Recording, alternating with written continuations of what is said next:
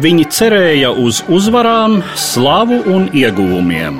Viņi ticēja, ka cīnās par taisnu lietu.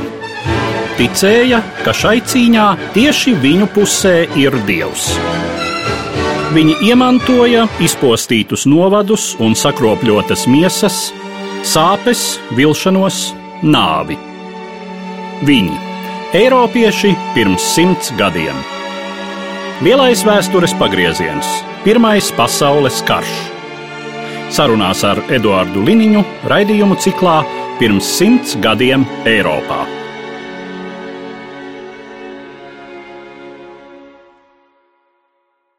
Labdien, cienījamie klausītāji! 1917. gada februāra beigas un marta sākums nes straujas pārmaiņas vienai no lielākajām pasaules valstīm - Krievijas impērijai. Par to, kas notika Krievijas impērijā tās augtās februāra revolūcijas laikā, par to mūsu šodienas saruna. Mani sarunbiedri studijā vēsturnieki Edgars Engīzers, labdien! Labdien! Un Jānis Šiliņš, labdien! Sveicināti! Krievija 1917. gada pavasarī kādu desmit dienu laikā kļūst no patvaldnieciskas monarhijas par republiku. Vai šīs pārmaiņas, šis radikālais pavērsiens ir kaut kā prognozējams, vai ir kādi simptomi, kas liecina, ka kaut kas tāds Krievijā briest? Principā grūti, protams, viennozīmīgi atbildēt uz to, jo no vienas puses mēs, piemēram, ļoti labi zinām šo slaveno Ļeņina izteicienu īsi pirms revolūcijas, ka diez vai viņa paudze piedzīvos revolūciju un ka tā ir varbūt nākamās paudzes jautājums, bet no otras puses, es domāju, liela daļa Krievijas sabiedrības un sevišķi tā laika opozīcija gadu desmitiem patiesībā cerēja uz šādām pārmaiņām, un ja mēs atceramies piektā gada revolūcijas saukļus, tad tie bija šajā virzienā tieši valsts demokratizācija cenzūras atcelšana un normālas konstitūcijas un darbojošā parlamenta izveidošana, un piektā gada revolūcija tikai daļai sasniedza savus mērķus. Tā ka grūti tā viennozīmīgi atbildēt. Lielākajai daļai politisko spēku, manuprāt, tas bija liels pārsteigums, ka revolūcija tik pēkšņi sākās, un es domāju, arī ceram tas bija liels pārsteigums. Lai gan tās indikācijas ik pa laikam, nu, tie signāli nāca, ka situācija ir ļoti nopietna, ka briest kaut kādi nemieri un tā situācija fronts aizmugurē ar vienu sāsinās. Tur īstenībā ir vēl viena lieta, kam vajadzētu pievērst uzmanību. Tas, ka viens mēs runājam par tā laika politiskajām partijām un politiskajiem darbiniekiem. Bet uh, ar politiku tajā laikā Krievijas impērijā jau nenodarbojās tikai partijas. Un ja mēs paskatāmies tieši uz tādiem revolūcijas priekšvēstnešiem, ļoti interesanti pievērst uzmanību 16. gadam, kad uh, var redzēt, ka diezgan liels skaits no cara ģimenes locekļiem, kas reāli tajā laikā praktizēja politiku, viņam ar pārsteidzošu regularitāti sūta vēstules, un šajās vēstulēs brīdina par revolucionārajiem notikumiem un prognozē arī impērijas krišanu. Turklāt ir arī daži gadījumi, kad šīs prognozes ir pārsteidzoši precīzas. Tur bijušā iekšlietu ministra vēstulē, piemēram, parādās tāds ļoti precīzs nākotnes paredzējums līdz pat uh, revolūcijai Vācijā un Eiropas līmeņa šīm izmaiņām. Tā kā es teiktu, ka tās aprindas, kas ar politiku reāli nodarbojās, salīdzinoši labi tvēra to situāciju, izņemot pašu imperatoru, kurš šajā laikā varbūt jau bija attālinājies no reālajām. Un jāsaka, ka arī izņemot tās aprindas, kuras tika iesviestas šajā revolūcijā, tās politiskās partijas un sabiedriskās organizācijas. Nu jā, problēma tikai tā, ka tas, protams, cilvēku lokus, kuram bija pilnīga informācija, bija ļoti šaurs Krievijas impērijā, ņemot vērā tās politiskās uzbūves un struktūras īpatnības. Tā ka Vairumam cilvēku, protams, ka šie notikumi bija negaidīti. Un ļoti pareizi Edgars saka, ka, protams, tas līdzīgi kā Padomju Savienība arī mēs zinām, ka šīs indikācijas bija diezgan spēcīgas jau no 70. gadiem, ka briest kaut kas nopietnas, bet tā informācija jau bija ļoti šaura cilvēku lokā. Tā ka pretrunīga tā situācija bija. Un šeit arī parādās tas jautājums, vai bija iespējams novērst varēja revolūciju, un, ja skatās uz tām prognozēm, ko cāram pietuvinātie bija izteikuši, Un, ja viņas ņemtu vērā, kaut kādas darbības būtu jau 16. un 15. gadā, un mēs, mēs zinām, ka lielā mērā tieši iepriekšējo gadu imperatora darbības rezultātā impērijas un paša imperatora prestižs zuda sabiedrības acīs, kaut vai par to pašu Putina epopēju runājot, tad uh, var redzēt, ka tiešām viņa pietuvinātie, tie, kam šī informācija bija, ministri, armijas augstākie komandieri, labi orientējās situācijā, ka briest liels nepatikšanas bet reālā vara bija tikai imperatora rokās, un šajā gadījumā viņš nespēja attiecīgos soļus, lai situāciju labotu, mainītu, un tieši pretēji revolūcijas sākumā viņš valsts domas darbu pārcēla par diviem mēnešiem uz priekšu, ko tajā laikā politiskā un sabiedriskā masa uztvēra kā domas atlaišanu faktiski.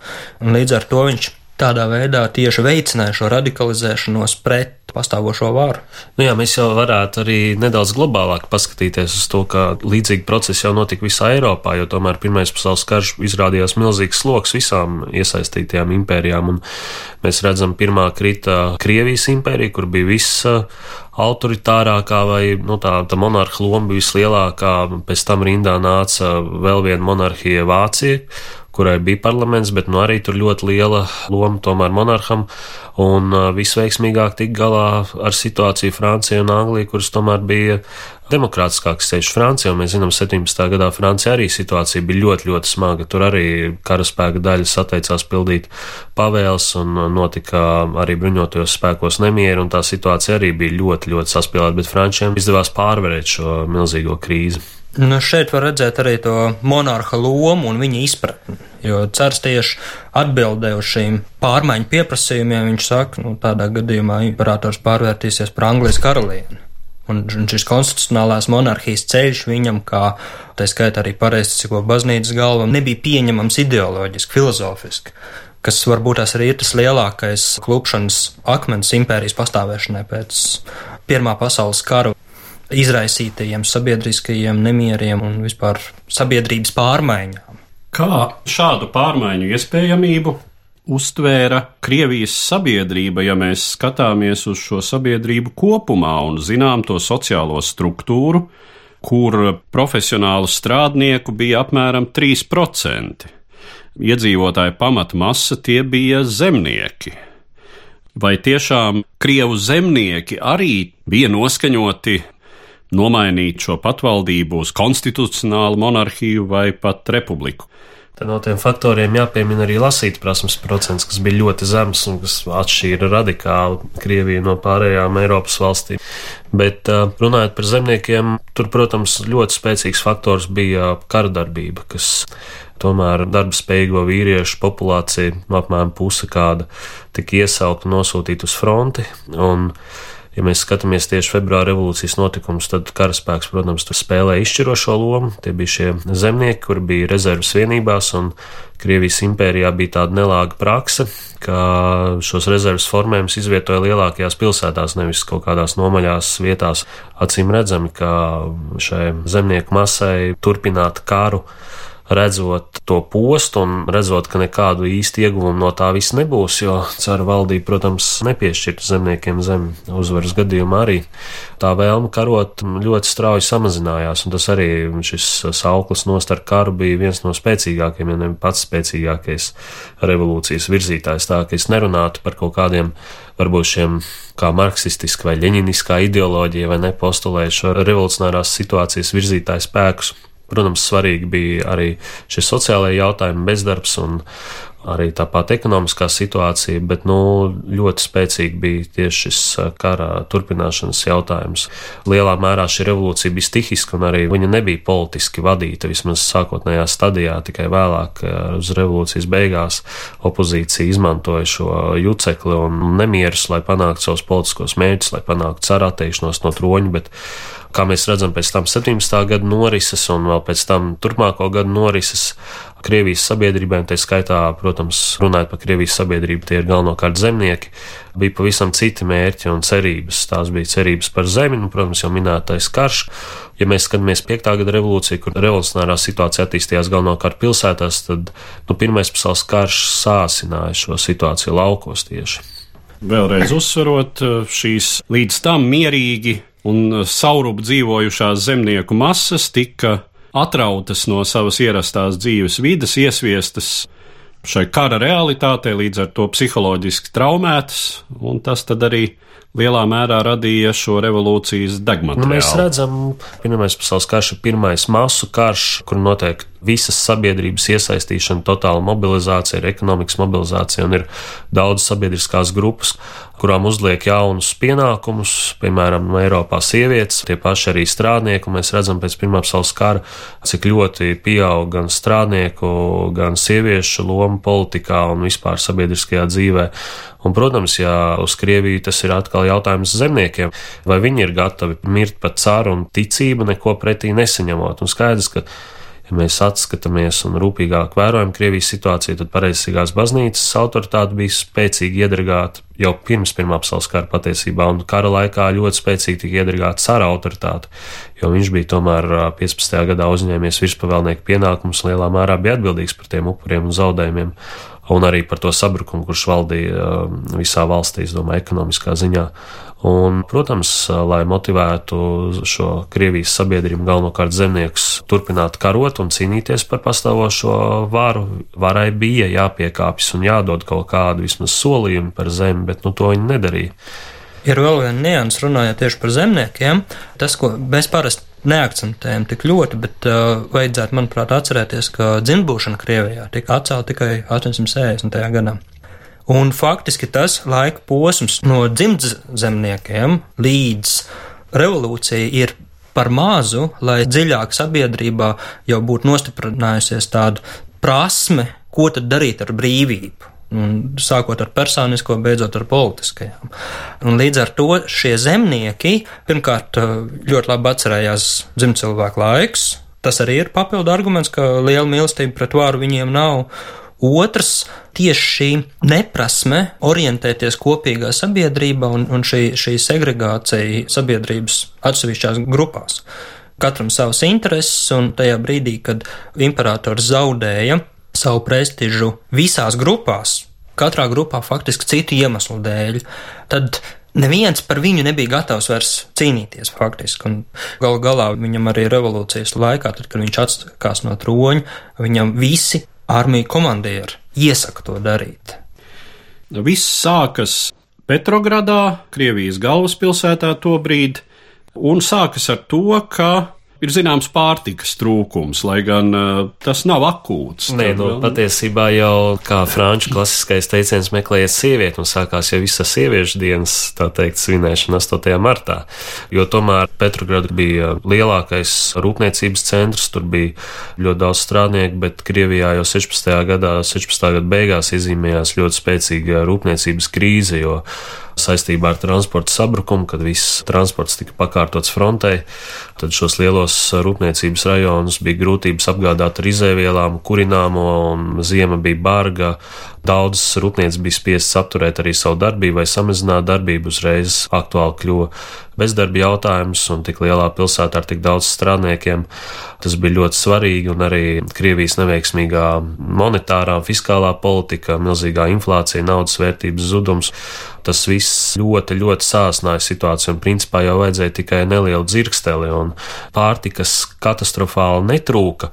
To trūkumu būtu varēts izmainīt, izmantojot armijas pārtikas rezerves bet uh, tā situācija jau bija tik nokaitēta, gan ņemot vērā bezdarba, kurināmā trūkumu, nepietiekamās algas, ka tur tiešām vajadzēja tikai nelielu, nelielu kaut kādu iegānstu patiesībā, lai sāktos ļoti plašs nemieru, un tad jau iesaistās pārējās grupas ar politiskām dažādām prasībām un tā situācija ļoti ātri kļuva nekontrolējama. Nu, tur vēl svarīgi, manuprāt, ir tas, ka iezīmēs ne tik daudz šis reālais pārtiks trūkums, kurš, kā Jānis pareizi teica, drīzāk bija tāds iedomāts nekā reāls, bet uh, valdības komunikācija. Pareizāk sakot, valdības nespēja sabiedrība izskaidrot, ka šīm baumām nav pamata, un visi valdības mēģinājumi to darīt tika uztverti ar ļoti lielu skepsi. Cilvēki tam neticēja. Neticēja ministriem, neticēja imperatoram, un tas varbūt tās arī bija tas iemesls, kāpēc sākotnēji prasība pēc maizes vienā vai divos konkrētos veikalos, kuros vienkārši loģistika nebija sakārtot, ļoti ātri pārvērtās par saukli nost ar karu, nost ar patvaldību, kas faktiski ticības uzticēšanās jautājums. Nu jā, un cers pie tam dienu pirms revolūcijas sākuma bija aizbraucis no galvaspilsētas, un, protams, viņa izlēmīga rīcība varēja apturēt, nu, vismaz tik radikālus revolucionāros notikumus, kāds bija piektajā gadā, kad arī situācija bija ļoti kritiska, bet, nu, kaut kā tomēr izdevās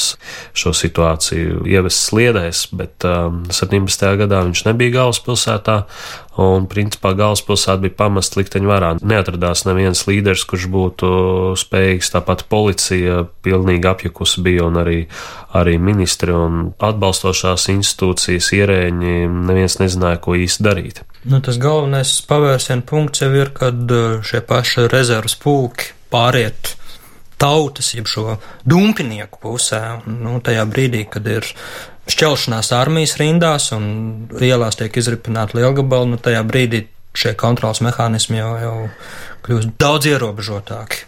Tie politiskie spēki, kuri tajā brīdī ir aktīvi, jūs jau piesaucāt Ļeņinu, kurš līdzīgi kā vairums radikālo sociāldemokrātu, proti bolševiku, atrodas trimdā, daži sēž cietumos, īsāk sakot, šo radikālo bolševiku, kuri vēlāk kļūst par negaidītu līderi Krievijas revolūcijas notikumos un, kā zināms, uzbūvē šo totalitāro bolševistisko impēriju, kurai ir lemts pastāvēt praktiski visu 20. gadsimtu, tad eh, viņu praktiski tajā brīdī uz politikas skatuves Krievijā nav. Kas ir tie nozīmīgākie politiskie spēki, vai viņiem ir kaut kāda rīcības schēma šai situācijai? Padomju historiogrāfija centās, protams, vēlāk piesavināties februāra revolūciju, mēģinot kaut kā saskatīt lielnieku lomu, bet, protams, tur faktiski nebija tās lielnieku lomas. Par tiem spēkiem un politiskiem virzieniem mēs to redzam jau pēc revolūcijas, kad Krievijā izveidojas divu valdību, kad pastāv pagaidu valdība no vienas puses, tātad liberāla pilsoniskās aprindas no vienas puses, un otrs lielais politiskais spēks ir Petrogradas padoma, kur ir pārstāvētas sociālistiskās partijas, kas tolaik ir vispopulārākās Krievijā, tie ir eseri, tātad sociāla revolucionāri, dažādas sīkākas sociālistiskās partijas, mērenākas, mazāk mērenas, radikālākas, bet uh, lielnieki uz skatuves parādās tikai faktiski aprīlī līdz ar Ļeņina atgriešanos no trimdas. Un šīm abām grupām zināmā mērā tas vienojošais ir, ka viņi gan viena, gan otra grib redzēt demokrātisku Krieviju, un viss cer uz satversmes sapulci, tāpēc arī tāds nosaukums pagaidu valdībai, tātad līdz Krievijas satversmes sapulces sanākšanai, kur arī izlemtu visu tālāko Krievijas uzbūvi un attīstību, bet atšķirības noteikti bija sociāla-ekonomiskajā virzienā Tas pats privātīpašuma jautājums, kas bija viens no galvenajiem vispār Krievijā tobrīd jautājumiem, kā risināt privātīpašuma problēmu. Un, protams, sociālisti iestājās par lielāku valsts lomu un lai to reformētu un ievirzītu tādā sociālistiskākā gultnē, un savukārt pagaidu valdības problēma, jeb liberāla pilsoniskā bloka problēma bija tā, ka viņi tomēr centās nepieņemt radikālus lēmumus, bet visu atstāja uz satversmes sapulci. Un līdz ar to gal galā arī faktiski zaudējot kādu ietekmi Krievijas sabiedrībā. Savukārt Petrogradas padomu, kur pakāpeniski radikalizējās un kur vēlāk pārņēma arī lielnieki, viņi daudz konkrētākus praktiskos soļus spēra. Ja mēs runājam par politisko spektru kopumā, tad blakus eseriem es, es tomēr gribētu arī pieminēt tos pašus sociāldemokrātus maziniekus, menševikus, kas bija diezgan saskaldīts politiskais flanks, kas bija daudz populārāk par bolševikiem arī šajā laikā.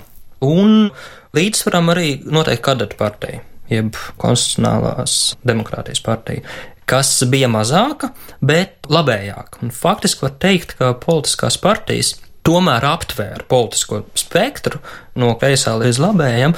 Lielākā daļa bija pa kreisi, viņas bija pietiekami daudzskaitlīgas, skaitliski, bet mazas pēc savas ietekmes reālās. Tā ir viena problēma. Otra problēma ir tas, ka pagaidu valdība, jo sevišķi kņazi Ļovu valdība. Viņi ir vairāk tāda kā tehnokrāta valdība, kas nav saistīta ar politiskajām partijām tik daudz, viņi ir vairāk tāda intelektuāļu valdība. Mēs paši redzam arī daudzos gadījumos, kad tāds tehnokrātisks ministrs, viņš varbūt tās labs teorētiķis, bet diezgan štrundīgs praktiķis. Faktiski valdība neatspoguļo politiskās partijas kā reālais, un šīs pašas partijas arī īstenībā neatspoguļo līdz galam sabiedrības pieprasījumu pēc idejām. Ja mēs um, vēlreiz atgriežamies pie mirkļa, kad uh, Nikolais II izšķiras cik nu tā ir viņa izšķiršanās.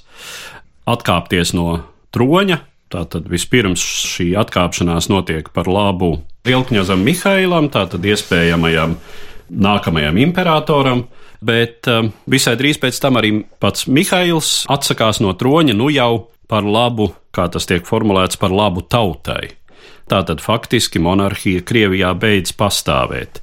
Tur jau lielā mērā bija paša Mihaila. Viņa lūdza, lai viņš pieņem troni, un, ja viņš būtu pieņēmis, to mēs nezinām, protams, kā būtu, ja būtu, bet tās iespējas palikt par konstitucionālu monarhiju, piemēram, būtu daudz lielāks. Un mēs redzam arī, ka ļoti ilgi, tomēr vēl līdz 17. gada septembrim, neviens neuzdrošinās Krieviju nosaukt par republiku, jo visi gaida to pašu Krievijas satversmes sapulci, kurai būtu galīgi jāatrisina jautājums, vai Krievija būs monarhija vai republika, tā ka visu laiku vēl tiek paturēta šī iespēja, ka būs monarhs. Un tikai septembrī eh, tiek eh, formāli Krievija pasludināta par republiku. Tā, tā situācija, un, protams, tā tradīcija bija ļoti spēcīga. Un, kā jebkurā šajā radikālajā jautājumā, kas bija jautājums par zemi, jautājums par kāru, jautājums par valsts tālāku uzbūvi, visur bija tāda mīstināšanās un neziņa, kā īsti rīkoties. Tā ka varēja būt visādi. Nu, tas principā atsaucās uz to, ko es teicu par to brīvības izmantošanu.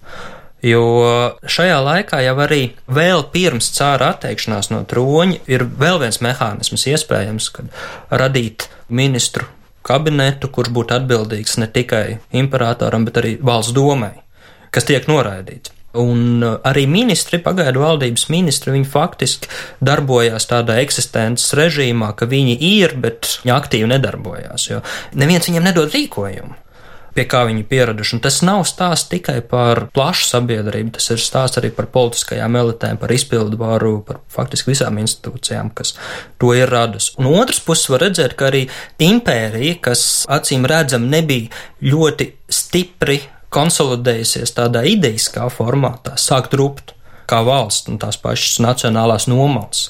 No Latvijas piemēra mēs ļoti labi zinām, un faktiski Latvijas tāda valstiskā veidošanās, nu, viņa izriet no februāra revolūcijas. Un līdz ar to šādā anarchistiskā pārmaiņu procesā bolševikiem ir iespēja Manuprāt, svarīgāk tomēr bija tā ekonomiskā situācija, kur pagaidu valdība nekādā veidā nespēja atrisināt, jo tūlīt pēc pagaidu valdības izveidošanas arī Krievijā tika ieviestas pārtikas skartītas attiecībā uz maizi, maizes monopols, transporta krīze un uh, kurināmā krīze vēl vairāk palielinājās, bezdarbs auga, tā sociālā situācija kļuva arvien drausmīgāka. Un ja mēs runājam par lielnieku afērsmu, tad nu, mums jāatcerās, ka tomēr tajā laikā jau bija vēl viens afērsums noticis, nu, Kerenskis bija kļuvis par principā Krievijas diktatoru un bija tātad cilvēks, kurš bija vēlējies uzņemties atbildību par visu notiekošo Krievijā un, diemžēl, vai par laimi vai, nu, kā mēs to skatāmies, viņš neko nespēja vienpersoniski atrisināt Krievijā, un tās krīze kļuva arvien dziļāka, un tāpēc arī lielnieki veic afērsumu, nogāžot vienu diktatoru, nākot citai diktatūrai vietā, tad, nu, sabiedrība, nu, arī attiecīgi rēģēja uz to, nu, ja vienam neizdevās, tad, nu, lai tad eh, nāk tas nākamais. Un eh, nebija tā, ka lielnieki vien paši uztaisīja to afērsumu, bet viņiem jau ļoti palīdzēja eseri, kreisie eseri, šis radikālais novirziens, kas arī bija ļoti spēcīgs politiskais spēks. Tā ka, principā, jau sākotnēji tā bija eh, koalīcijas valdība, padomju valdība, kur bija iesaistīti gan lielnieki, gan eseri kreisie, gan arī, kurus atbalstīja arī anarchisti daļēji. Lielnieki arī neapturēja Krievijas satversmes sapulces vēlēšanas, kuras notika jau pēc lielnieku afērsuma. Nu, un tikai ar vēlēšanu rezultātu, kur pilnīgi, protams, Ļeņinu neapmierināja, jo tur lielnieki zaudēja, uzvarēja mērnāk sociālisti, paši eseri, ka tad faktiski notika tāds ļoti radikāls solis kas lielā mērā arī izbeidza šo februāra revolūciju. Tā bija Krievijas satversmes sapulces padzīšana, kurā, diemžēl, piedalījās tā skaitā arī latviešu strelnieki. Bet no otras puses, starp citu, paspēja tomēr uzkāpt tribīnē Jānis Goldmanis un paziņot, ka Latvijas jautājums vairs nav Krievijas jautājums, bet tas ir starptautisks jautājums. To izšķirs uzvarētāja valstis pēc kara beigām. Jā, un arī minot Latvijas piemēru, kā spilgt, nu, manuprāt, tas pats Ukrainas piemērs ir vēl spilgtāks, kur tomēr Ukraiņi ļoti aktīvi iestājas par atdalīšanos no Krievijas, un tas tā varētu uzskatīt faktiski spēcīgākais tāds Krievijas dezintegrācijas spēks, šie Ukraiņu nacionālisti, kas tobrīd ir ļoti, ļoti spēcīgi. Ir viena lieta, ko es kategoriski nevaru piekrist, tas, ka oktobra pasākums nosauc par februāra revolūcijas turpinājumu. Manuprāt, tie ir divi nošķirami. Es nenosaucu par turpinājumu. Nē, es pat domāju, ka drīzāk tā bija kontrrevolūcija salīdzinājumā ar februāra revolūciju, bet tas februāra revolūcijas noslēgums, manuprāt, bija šī Krievijas satversmes sapulces padzīšana, jo vēl līdz satversmes sapulcē un vēl līdz tās pirmajai sesijai tomēr pastāvēja cerības, ka teorētiski ir iespējams kaut kāds izlīgums starp šīm dažādajām grupām un uh, arī tā skaitā ar lielniekiem, bet pēc Krievijas atversmes sapulces pazīšanas nekas cits kā pilsoņu karš vairs nebija, neviena cita varianta nebija, un arī mēs redzam tos pirmos lielos spēkus militāros, kas iesaistās karā. No vienas puses, protams, tie ir sarkanie lielnieki, no otras puses, tie ir spēki, kuri aizstāv Krievijas satversmes sapulci un šo vēlēšanu rezultātus. Gribētu vēl vienu lietu akcentēt, ka, manuprāt, tomēr tā lielākā neizdarība no pagaidu valdības puses ir tās pirmās un galvenās prasības neīstenošana, prasība izstāties no kara. Jo ekonomika, nu, mēs redzam uz visu reģionu fonu, par Vāciju pat nemaz nerunājot, ekonomiskās grūtības sabiedrība, ja viņas ir racionāls, ir spējīga sagramot un pārvarēt, bet šī ļoti personiskā prasība pēc miera Šis punkts netika īstenots, un faktiski, manuprāt, tas ir tas galvenais tāds ideiskais iemesls, kāpēc Petrogradas lielo pilsētu sabiedrība nepieņēma šo pagaidu valdību, un tas ritens aizvēlās tādā apvērsuma virzienā. Rezumējot mūsu sarunu, protams, par tālākajiem notikumiem 1917. gadā Krievijā par bolševiku apvērsumu noteikti tiks runāts vēl citos raidījumos, bet Edgara nu pat piesauktā metāfora, tā tad ritenis, kas ir populāra visnotaļ, nu mēs zinām kaut vai Solženīcina prozas ciklu sarkanais ritenis. Tā tad eh, metāfora, kas raksturo šos notikumus kā faktiski nevienam neapturamus. Cik tā ir eh, adekvāta izjūta par 17. Eh, gadu Krievijā? Es jau sākumā teicu, ka ir tie kritiskie punkti, kad varēja viņus apturēt. Un tas jau ir tas pats 16. gads, tas ir tas pats dekrēts par mieru, ko pieņēma Bolševiku partija, bet uh, identisku varēja izdarīt arī pagaidu valdību, un tad tas cikls attīstības aiziet, es teiktu, pilnīgi citā virzienā.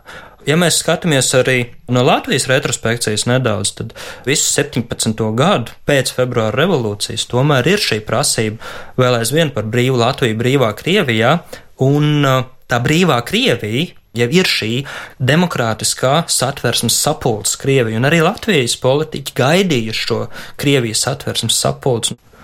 Es droši vien piekrītu šai metaforai, jo cārs nevēlējās un negribēja un nevarēja daļai arī radikāls izmaiņas īstenot pagaidu valdību arī. Nu, tā šī situācija attīstījās, diemžēl. Tā kā es neesmu komunists, es saku, diemžēl, bet komunists nonāca pie varas un īstenoja savu programmu. Mēs redzam, ko tas ir arī nodarījis gan pašai Krievijai, gan arī kaimiņu valstīm. Principā tas ir lielā mērā carisma režīma loģisks rezultāts, tāpēc, ka tomēr jau minētā dzimbūšanas atcelšana un ka 50 gadu laikā nespēja režīms atrisināt šos principiālos jautājumus. Mēs redzam, ka mūsdienās pat Krievijā līdz šim jau cik pagājuši pusotras gadsimts un lielā mērā šie jautājumi par privātu īpašumu, korupcija, milzīgais birokrātiskais aparāts, armijas baznīcas loma valsts dzīvē, nu tās pašas problēmas paliek. Un, Tādiem žēl ir, ka vēsture ir dažkārt ļoti barga skolotāja, kur ik pa laikam ierodas pārbaudīt mājas darbu. Izrādījās, ka Krievija nebija izpildījusi šo mājas darbu, kas tai bija jāizpild jau no 19. gadsimta vidus, un, diemžēl, tas rezultāts bija tik asiņains un destruktīvs, kāds tas bija. Nu, bet viņš bija destruktīvs tikai impērijai. Mazajām impērijas tautām viņš beidzās ļoti pozitīvi, ja mēs runājam par šo 17. gada februāra revolūciju. Nerunājot par bolševiku apvērsumu, kur, manuprāt, varēja arī nebūt, ja citi politiķi būtu drusku aktīvāk un atbildīgāk piegājuši tai lietai. Ar tādiem secinājumiem tad es arī noslēdzu mūsu šodienas sarunu, kas bija veltīta 1917. gada revolucionārajiem notikumiem Krievijas impērijā, un saku paldies maniem sarunbiedriem, vēsturniekiem Edgaram Engīzeram un Jānim Šiliņam. Jā, paldies! Vislabāk! Ticība un cerības, vilšanās un nāve, zaudējumi un ieguvumi. Pirms simts gadiem Eiropā. Raidījumā šīs dienas acīm sarunājamies par Pirmo pasaules karu.